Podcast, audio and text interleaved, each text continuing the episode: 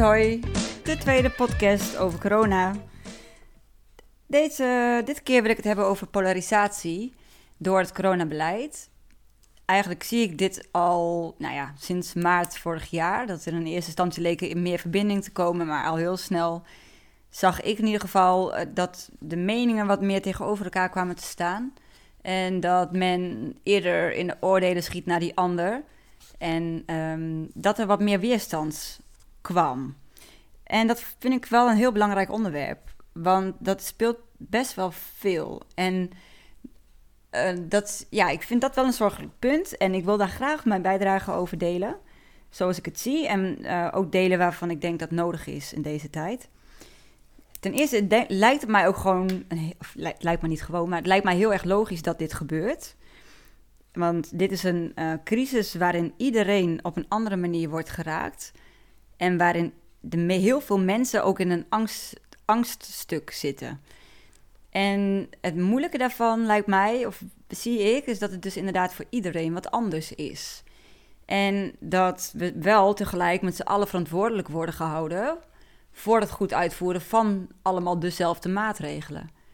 Maar als die ene daarin totaal niet wordt geraakt en de ander heel erg wel, en dan de een op economisch vlak, de ander op gezondheidsvlak, de andere op psychische gezondheid.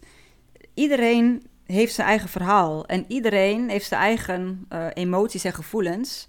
En iedereen uh, ja, luistert anders en denkt anders over het algemene coronabeleid.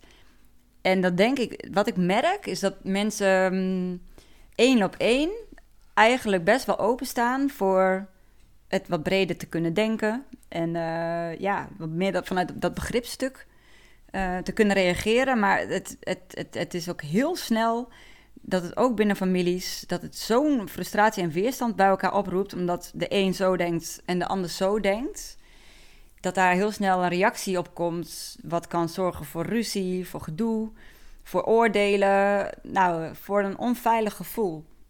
En eigenlijk vind ik dat echt super jammer, want juist juist in deze tijd is verbinding zo belangrijk. En probeer het elkaar te begrijpen van, goh, waar komt de reactie vandaan? En hoe kunnen we de saamhorigheid zoveel mogelijk in stand houden?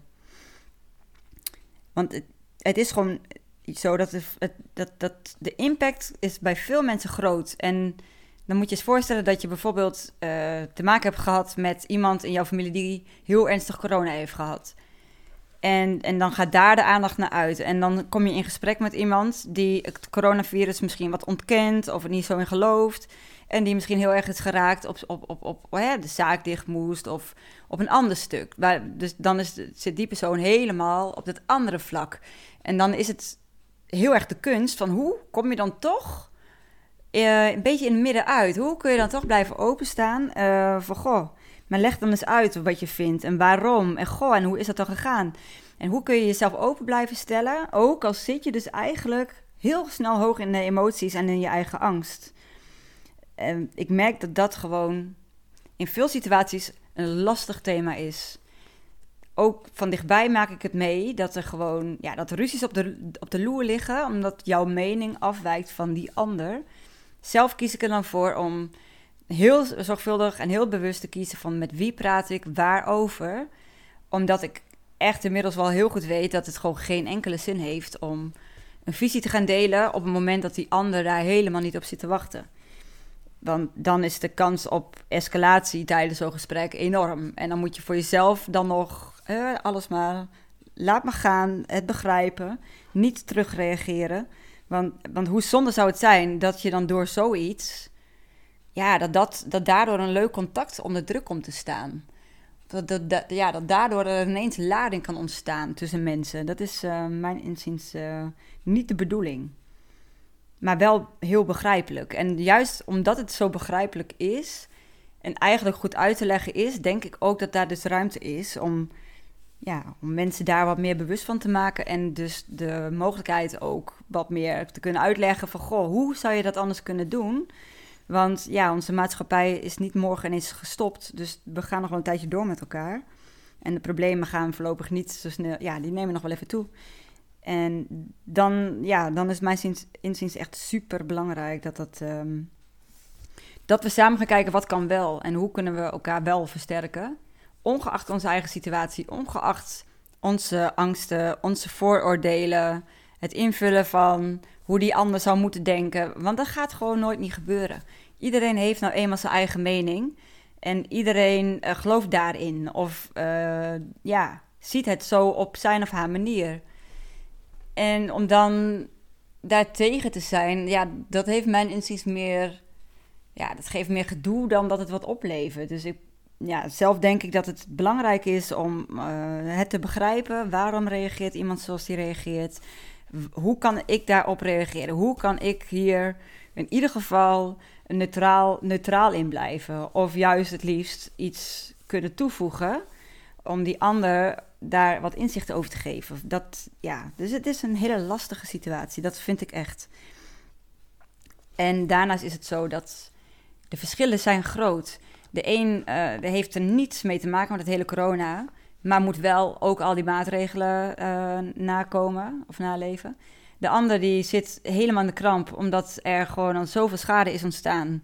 Bijvoorbeeld in de thuissituatie of op financieel vlak of op gezondheidsvlak, of omdat je niet bij de psychiater terecht kan, of omdat de kinderen niet naar school kunnen, of omdat het in het huwelijk niet zo goed gaat meer doordat je allebei een ander standpunt inneemt, maar wel ja, geconfronteerd wordt met maatregelen, ook op scholen die, die je samen als ouders moet, moet uitvoeren. Nou, dan denk ik van, het is allemaal zo logisch, maar zo belangrijk dat dit gewoon, dat dit niet de overhand gaat krijgen, dat we elkaar blijven zien. En dat we proberen het begrip voor elkaar te blijven hebben. En hoe kun je nou begrip krijgen? Ik geloof erin dat je dat krijgt op het moment dat je geïnteresseerd wil en durft te zijn in het verhaal van die ander. Dus het waarom. Het, het, het niet oordelen op dat wat je ziet of dat wat die ander zegt, maar gewoon met interesse te kijken van joh, misschien heeft die ander het wel hartstikke moeilijk. Misschien is die ander wel helemaal in paniek. Misschien is die ander wel super bang. En komt daar die reactie uit voort? En ja, wat schieten we er nou mee op om daar met elkaar ja, op in te hakken? En jij vindt dit en dat klopt niet. En dat is gewoon jammer, want dan denk ik van dat is, dan, dan slaan we de plank gewoon een beetje mis. Nou ja, zoals ik al zei, ik heb zelf corona gehad in maart. Ehm, en ja, dat is anders dan de polarisatie waar ik het hier over heb. Maar daarin kreeg ik natuurlijk ook wel te maken met mensen die zeiden van ja, uh, het zal wel. Maar hoezo was dat corona hoe weet je dat zo zeker? Ook daar waren de oordelen gelijk. Dus ja, dat was ook best wel lastig. Want je ziet het niet aan die ander, aan mij toen de tijd. Maar ik was wel onwijs moe. En ik zit nu een jaar later nog steeds wel met klachten die gewoon niet bepaald zichtbaar zijn, maar er wel zijn. Dus ja, dan is het voor jezelf ook wel een proces van oké, hoe laat ik die mening los van die ander en me dat niet ja, maar hoe zorg je dat dat me niet zo beïnvloedt? In de zin van dat ik dan denk, ik stel me aan of wat dan ook. Nou en zelf probeer ik dus bij de mensen die ik spreek gewoon aan te voelen van, goh, hoe staat die ander erin? Wil die er wat over kwijt? Zo niet, prima, dan niet. Komt er ruzie van, dan al helemaal niet. Prima, ik bespreek alles met jou, maar we gaan het niet over corona hebben, want het is mij niet waard dat daar gedoe door ontstaat. Terwijl dat normaal gesproken niet er, er helemaal niet zou zijn. Dus ik vind dat gewoon, ja, ik vind dat een heel belangrijk ehm, onderwerp. En dan ook gewoon te bedenken dat, ja, op het moment dat iemand in angstmodus zit, dat er minder ruimte is. Dat ja, je gaat anders denken. Ja, en angst is een slechte raadgever, ja, maar dat is, dat is ook gewoon zo. Plus, ja, je, je denkvermogen neemt af. Je gaat veel meer uh, denken aan je eigen angst. En het geheel, dat overzie, ja, dat is moeilijker te overzien. Dus, en, ja, dus dan, het is allemaal te verklaren, het is allemaal logisch. Maar het is wel, ja, we moeten er wel samen doorheen komen. Samen, dus en kinderen en jeugd en ouders en, en opa's en oma's en mensen die bang zijn en mensen die niet bang zijn. Want met geweld of met nog ja, toestanden in de maatschappij, dat is wel het laatste waar we op zitten te wachten. En ik, ik, ik ben er ook helemaal van overtuigd dat niemand dat wil. Want wie zit daar nou op te wachten? Alleen het, het kan heel makkelijk ontstaan. Wat ik ook merk bij de mensen waar ik contact mee heb, veel mensen voelen zich eenzaam. Missen gewoon het fysieke, even lekker een kopje koffie drinken, gezellig. En dan ja, dat is wel een heel belangrijk aspect. Mensen zitten veel meer thuis, opgesloten, in een klein kringetje. Lontjes worden korter, depressies nemen toe, angstgevoelens nemen toe. En dat is natuurlijk niet overal zo, maar ik merk het wel op. En zelf probeer ik daar dan in ieder geval mijn mini kleine mogelijkheden daar wat aan te doen. Door te proberen wel even, ja, dat die mensen ook te zien. En te kijken van, goh, kan ik hier wat in betekenen? En vandaar ook dus de behoefte om deze podcast te gaan starten. Om hier gewoon mijn gedachtenspinsels kwijt te kunnen. Wat ik denk wat er nodig gaat zijn, of nodig is voor heel veel mensen, is het perspectief krijgen. Weten waar we naartoe werken. Uh, weten dat er wel naar de langere termijn wordt gekeken, ook vanuit de regering. Weten dat er rekening wordt gehouden met alle andere nevenschade die door het beleid ontstaat. En ik, ja, zo, voor zover ik het zie, wordt, ja, is dat gewoon veel te weinig. En wordt, zou dat heel veel meer op de voorgrond mogen komen te staan. Dat mensen zich gehoord voelen, dat ze weten, hé, hey, er, wordt, daar wordt aan gewerkt. Er komt een oplossing, op wat voor manier dan ook. Maar dat blijft wat uit, waardoor het een beetje een uitzichtloze situatie lijkt te worden. Zoals ik het zie, kan het nu twee kanten opgaan. En dat is dus de, kans, de kant van meer verbinding, eh, het meer samen uh, gaan regelen, het meer uh, zien van elkaar. En de andere kant van juist de meer afstand. Het korte termijn denken, het verder toebrengen van schade aan ja, voor zoveel mensen door de maatregelen. Dus ik hoop gewoon hartstikke dat er een keerpunt komt. En dat er ja, beleid gaat worden gevoerd op het versterken van de maatschappij. En van het onderlinge contact tussen mensen. Uh, dus ja, dus dat is een heel belangrijk thema, mijn inziens. Uh, sowieso, angst is gewoon slecht voor een mens. Voor wie? Voor iedereen. Angst is niet goed. En uh, reële angst is prima. Maar angst, angst, angst, angst is niet meer reëel. Dus wat ik, wat ik zou wensen is meer verbinding, meer verdieping op het gebied van gezondheid, ook op radio en tv. Uh, een veel bredere visie omtrent het hele coronabeleid. Waar staan we nu? Wat is de schade? Waarom hebben we dit zo afgewogen? En veel meer ja, preventie. Van goh, wat kan je nou doen? Wat kan wel in plaats van wat kan niet? En wat kan wel, kan zoveel breder gezien worden. Want er zijn zoveel dingen die wel kunnen, maar nu niet mogen gebeuren. En de, terwijl die schade dus, bijvoorbeeld hè, buiten ik noem even iets, zo belangrijk.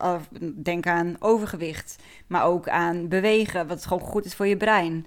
Uh, verbindend onder elkaar. Hè, kinderen, jeugd, volwassenen, het maakt niet uit. Sport is gewoon onwijs belangrijk. Uh, dus ja, ik hoop gewoon van harte dat daar gewoon, dat het daar meer over mag gaan. In plaats van het huidige beleid. Want ik zal niet zeggen ik ben voor of tegen. Ja, ik ben natuurlijk wel tegen. maar ik, ja, omdat ik het gewoon zo kortzichtig vind. En omdat er enerzijds corona wordt soort van voorkomen, dat is dan de bedoeling. Maar anderzijds de schade op de lange termijn en voor een enorm grote groep alleen maar aan het toenemen is. En dan ben ik gewoon heel erg verbaasd over waar dan die verhouding is en ligt. Want die is er niet zoals ik het zie de afweging van, joh, we doen dit en we weten dat dit daar gebeurt. En leg het dan uit. Vertel en kom dan met een lange termijn plan. Van waarom? En oké, en wie heeft dit advies gegeven? Welke psycholoog hebben jullie betrokken? Welke econoom? Uh, zorg voor een brede visie. Zorg, voor een, zorg ervoor dat dit een beleid wordt wat gedragen kan worden door de maatschappij. En wat polarisatie juist weer wat naar beneden kan brengen. Dit was het voor deze keer. De volgende keer ga ik het hebben over mijn corona-herstel, over het hele jaar gezien en wat mijn bevindingen daarin zijn geweest. Ontzettend leuk dat je hebt geluisterd naar deze podcast en heel graag tot de volgende keer. Fijne avond. Bye bye.